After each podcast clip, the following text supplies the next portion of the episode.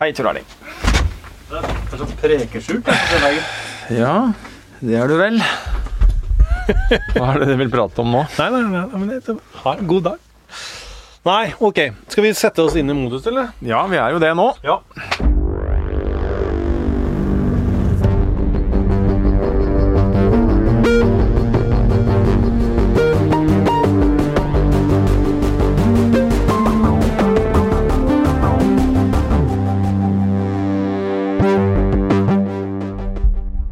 Ja, Øystein, nå har vi hatt en Orderud-episode, og jøye meg, her har det kommet mange spørsmål.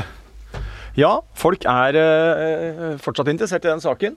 Det kom jo ikke som noen bombe på meg, for så vidt. Eh, Jeg eh, opplevde jo eh, hvordan veldig mange tok kontakt eh, da TV-serien ble lagd. og det har vært mange henvendelser, ja, både til oss i Krimpodden og til meg direkte. Og ja, synspunkter, tips, ringer folk, alt mulig rart. Så det er eh, stort engasjement. Har du svar på alt sammen, da?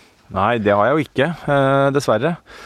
Men det er jo veldig mange gode spørsmål, veldig mange gode betraktninger, og eh, fortsatt sånn at det går mange rykter eller eventuelt folk med informasjon der ute. Det som slår meg, da, er at eh, folk eh, har et, sterkt engasjement, og, mange er liksom sånn ganske dypt dedikert inn i Orderud-saken. Vi har fått et spørsmål her fra, fra Mari, som er lærer. Og som, og som har vist gåten Orderud for hele klassen sin. Eh, hun og dattera hennes har vært oppe på, på Sørum og kjørt rundt liksom på Orderud for å se det sjøl og sånne ting. Er, det, er det mange som, som har det sånn? Ja, eh, vi hadde jo en sånn spørsmåltjeneste når, eh, når Gotten Order gikk på TV, som, du, som du, hun er tydeligvis eh, opptatt av. da. Og da var det jo veldig mange spørsmål. og det ante meg for så vidt på forhånd når vi satte i gang den tjenesten her i VG at, og NRK, samarbeid med NRK, at det kom til å bli mye spørsmål. Men det som overraska meg mest etter hvert, det var at de spørsmåla var øh, veldig gode, øh, detaljerte.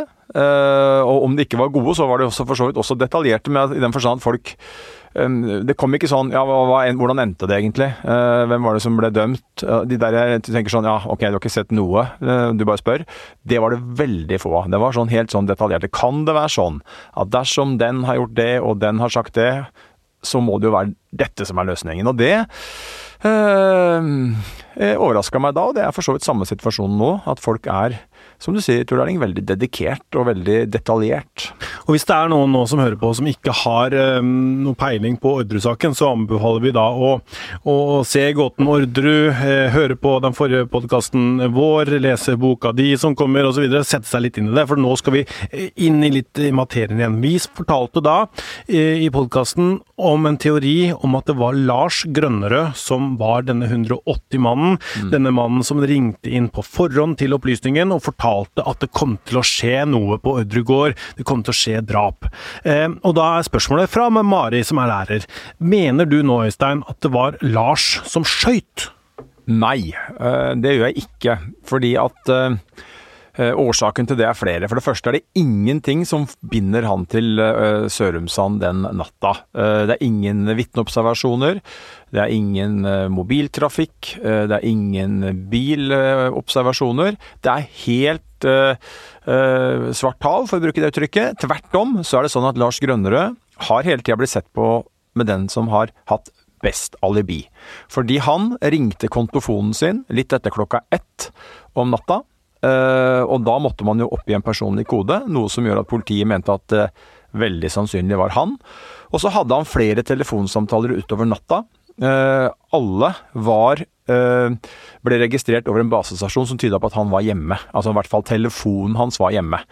Og i motsetning til hva som var tilfellet med Kristin Kirkemo, for hun hadde jo også en telefon som opererte i Oslo, og som så ut som hun var der. Men der var det jo vitner som kom og sa og så var det veldig mange forskjellige versjoner. Noen sa at det var sant, noen sa det ikke var sant. Men der var det et stort poeng at en del uh, vitner, i hvert fall noen vitner, hevda at en mann hadde hatt med seg hennes telefon, og at hun ikke var med i denne budbilen. Så det var jo noe som svekka hennes alibi, til tross for telefontrafikken. Når det gjelder Lars, uh, så var det ingen vitner per dags dato som har sagt noe som helst om at han skal ha latt, eh, telefonen sin, lagt telefonen sin i hendene på noen andre, eller at han skal ha vært på ordre på noe vis. Så det Eh, svaret var et langt svar, men eh, det er jo greit å gjøre det, fordi at eh, folk er opptatt av detaljer. Men svaret er altså, som jeg begynte med, nei. Mm. Eh, flere som har spurt, Mari her, og ei som heter Agnes, har også spurt på dette. Eh, det ble jo funnet spor av en damesko inne i kårboligen. Vi skal ikke gå så veldig i detalj på det, men, men de som kjenner saken, vet jo det. Eh, det, var, det var størrelse 40. Er det et spor som kunne passa til Lars? Uh, nei, ikke som bruker, hvis det er det hun tenker på. Det har vært mange som har uh, kommet med ulike teorier om disse skoene, bl.a. at det kan ha vært en mann som har pressa, uh, en sånn størrelse 41-mann, eller kanskje 42, som har på en måte pressa på seg et par 40-sko for å få det til å se ut som at det var en dame. Men det er, tenker jeg, lite sannsynlig. For det første så fantes vel også den skoen i større nummer, så du kunne kjøpt den større og likevel framstått som en dame. Og for andre så er det vel vanskelig å se for seg at noen skulle Uh, altså, hva skulle det føre til? Uh, at det var en dame som uh, tilsynelatende var der. Men det som har vært en teori, og er en teori, er jo, som er med disse skoene, som er interessant, er jo at man undersøkte jo en hel haug med skokjøp. Da ble jeg klar over hvilke skotype og nummer det var snakk om. Når det var, analysen var ferdig, så begynte man med et omfattende arbeid og henta inn kjøp fra hele Stor-Oslo, Akershus øh, og ja, egentlig store sentrale Østland øh, på jakt etter en øh, knytning til Orderud. Og det fant man, mener politiet da. For etter stengetid, litt etter klokka sju på lille julaften, som er samme dag som dette juleselskapet, hvor det gikk av et vådeskudd og mm. Kristin Kirkemo hevder at det ble planlagt drap, mm. så var det en person som kjøpte to par sko i størrelse Nå må jeg bare ta på husken, jeg mener det var 40. Mm. Uh, I uh, en butikk som ligger ikke så veldig langt unna Lars Grønneruds leilighet. Uh, så politiet har jo hatt en hypotese om at han kan ha kjøpt de skoene på vei til ordre i går, mm. men det er aldri blitt bekrefta. Nei, ikke sant. vi kan gå tilbake til denne 180-samtalen, for det er flere som lurer på, blant annet Andreas, som har sendt oss mail på krimpodden at vg.no, som lurer på om Lærdal-operatøren eh, har på en måte blitt konfrontert eh, med stemmen til Lars. Altså at Hvis hun hadde hørt stemmen til Lars Grønner, om hun da hadde husket at det var han eller ikke? Ja, det har også vært et tema. Eh, fordi at operatøren sa jo da tilbake igjen i 99, 2000, 2001 at hun mente å liksom, ha den stemmen i hodet. Og det ble vurdert, uh, ut fra det politiet sier, å gjennomføre stemmeprøver med blant andre da Per Orderud og Lars Grønnerød, som var de to sikta i saken. Men man vurderte det sånn at det ville bli for usikkert. Altså hva ville et svar kunne gi? Uh, at hun mente at det var den ene eller den andre ville ikke ha noen stor bevisverdi, uh, konkluderte etterforskerne med, og dermed så ble den muligheten lagt bort. Mm. Vi har fått inn spørsmål eh, fra Tom Steinar. Han skriver at han er musikkprodusent, lydnerd og krimfan. ja, det er bra kombo. Bra kombo. og, og, Ole Pedro lurer også på det samme. Hva, hva tror du var motivet til den personen som ringte til 180 og fortalte om det som skulle skje? Det er ikke godt å si. Eh, det eneste som er sikkert, er jo at vedkommende helt åpenbart var eh, innvia i de planene som forelå. Eh, og det er jo ingen tvil om at det da forelå planer, for han ringte jo inn og sa at det som skjedde, skulle skje. Så var denne 180-samtalen veldig forvirrende. Mannen framstår jo han falt ut, øh, og han øh, under samtalen han virka uinteressert. Øh, han snakka plutselig om hva operatøren skulle gjøre 17. mai, om hun hadde fri pinsen osv. Så, videre. så han det var en, hun, hun, hun mente han kunne fremstå som rusa. Mm. Og, og, da tenker jeg at da må vi, når det ligger i bånn, så må man jo tenke sånn Ja, var det en drapsmann uh, som fortalte hva han skulle gjøre, eller var det en som uh, visste hva som skulle skje og fortalte halve sannheten og la på resten med at han sjøl skulle gjøre det? Eller var det et forsøk på å hindre dette her, på en måte? Litt spesielt kanskje det, fordi at operatøren ble jo spurt om hun hadde taushetsplikt på et tidspunkt, og, og bekrefta jo det. Eh, så er jo spørsmålet inn, ja, det, om det var i forhold til at det var han og navn, eller om det, han tenkte på innhold i det samtalen, eh, det samtalen eh, handla om. Så jeg blir ikke klok på den samtalen, selv om vi legger til grunn at nå mye kanskje peker i retning av at det er Lars Grønnerød, sånn som i hvert fall jeg ser det. Så er jeg ikke noe klokere på hvorfor han ringte, og hva som eh, si, var motivet for å si alt det han sa til hun operatøren. For det, det, er klart, hvis du har planlagt drap og har tenkt å prøve å gjennomføre det uten å bli tatt, så er det jo fryktelig dumt å fortelle på forhånd.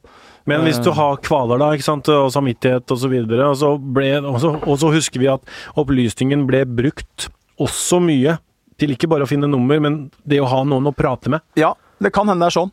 Men han begynte jo med å spørre etter telefonnummer. Ikke sant? Så jeg har lest det avhøret sikkert 100 ganger og tenkt og tenkt og tenkt, og det blir, jo, det blir jo ikke sånn at du kan slå fast noe, du lager deg noen hypoteser. Og jeg tenker jo i retning av at utgangspunktet for at han ringer, virker som han faktisk skal ha disse telefonnumrene. Um, og så syns jeg samtalen begynner å leve litt sitt eget liv, uh, og at den uh, etter hvert, nesten litt tilfeldig, dreier seg inn på det som skal skje. Mm. Du sier at du leser avhør. hvorfor leser man avhør? Mye av dette finnes jo ikke på lyd.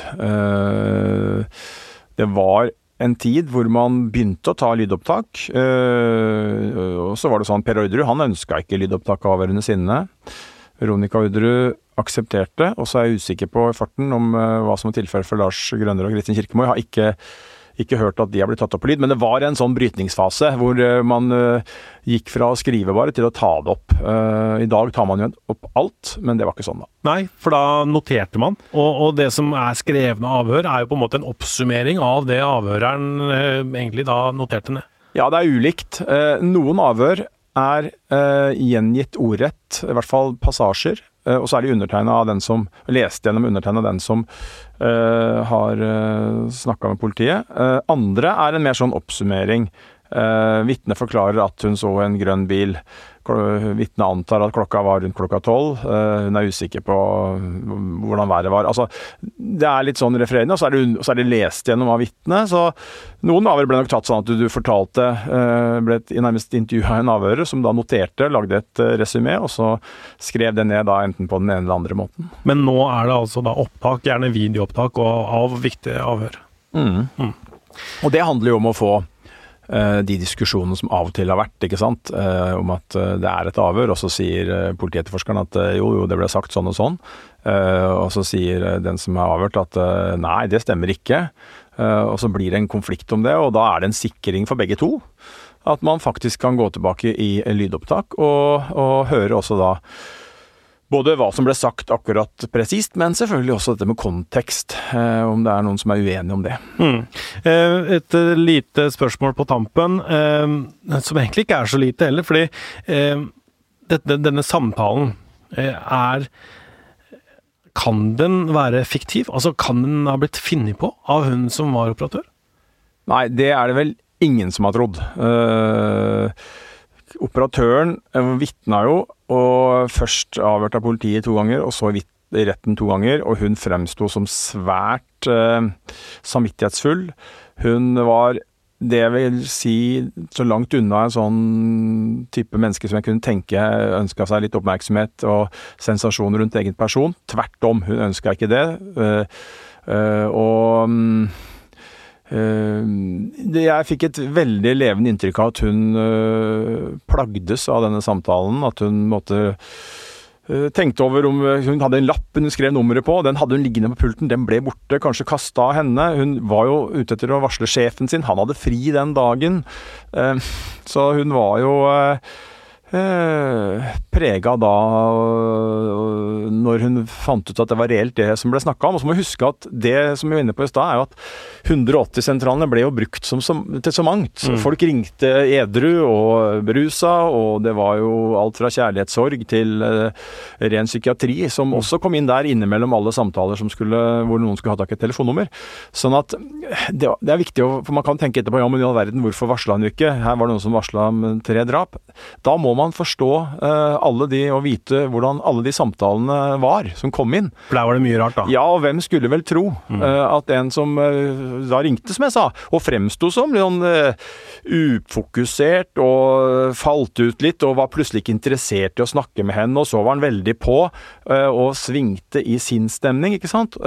Altså, Hvem i all verden skulle tro at han uh, satt på detaljkunnskap om, om, det som faktisk skulle skje, nemlig at tre drap uh, skjedde på Orderud i, i, pinsen. Hva slags konsekvenser uh, får det nå at det har kommet en ganske styrka teori om at det var Lars Grønnerød som sto bak 180-samtalen?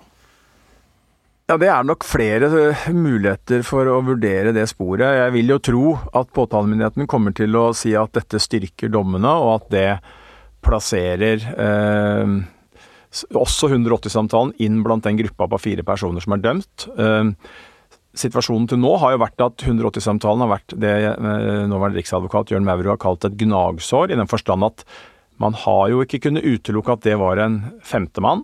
Eh, eller tredjemann eller fjerdemann, alt etter som var skyld og ikke skyld på de fire andre, som vi vet alle nekta hele veien. Men i hvert fall en, en, som ikke var tatt, da. En som ikke var avslørt, en som ikke var dømt. En som burde vært tatt inn og satt på tiltalebenken, fordi at vedkommende hadde jo åpenbart da en rolle. Mm. Nå hvis man da legger til grunn at de nye opplysningene peker så sterkt i retning av grønnere at man kan tone ned den muligheten, så vil jeg tro at påtalemyndigheten mener det styrker dommen, i hvert fall selvfølgelig mot Lars, eh, som jo nå er død, så det spiller jo uansett ingen rolle. Men eh, også at det kan styrke dommen mot de andre, fordi at da har man på en måte plassert den inn blant de fire. Men så er det jo spørsmål om eh, noen vil hevde at vi må vurdere Grønnerøds troverdighet igjen på en annen måte nå, ikke sant.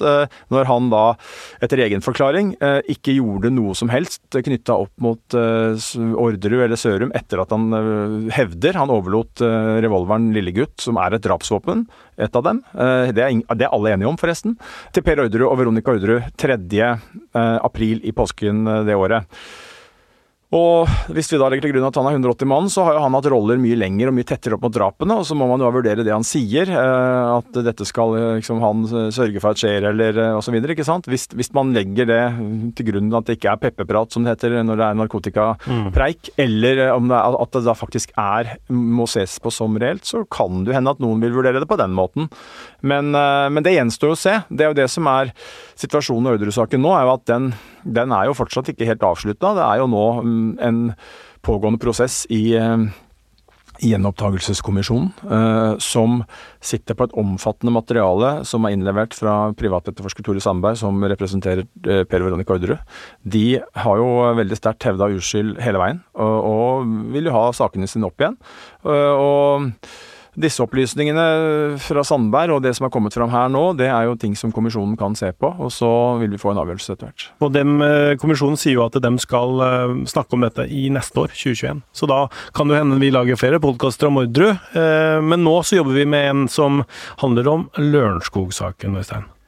Det gjør vi. Jeg har vært i Lørenskog i dag og gjort opptak, så det kommer en etterlengta Lørenskog-episode for mange. Vi har hatt mange henvendelser eh, fra folk som lurer på hva er det som skjer. Eh, har dere fått munnkurv, hvorfor kommer det ikke mer? Men det er ikke det det handler om. Det handler om at det har vært veldig stille og rolig mm, tilsynelatende i, nei, unnskyld, i Lørenskog-etterforskninga. Men nå har vi vært ute og gjort flere nye opptak, og jobber nå med en rykende fersk episode som kommer på torsdag.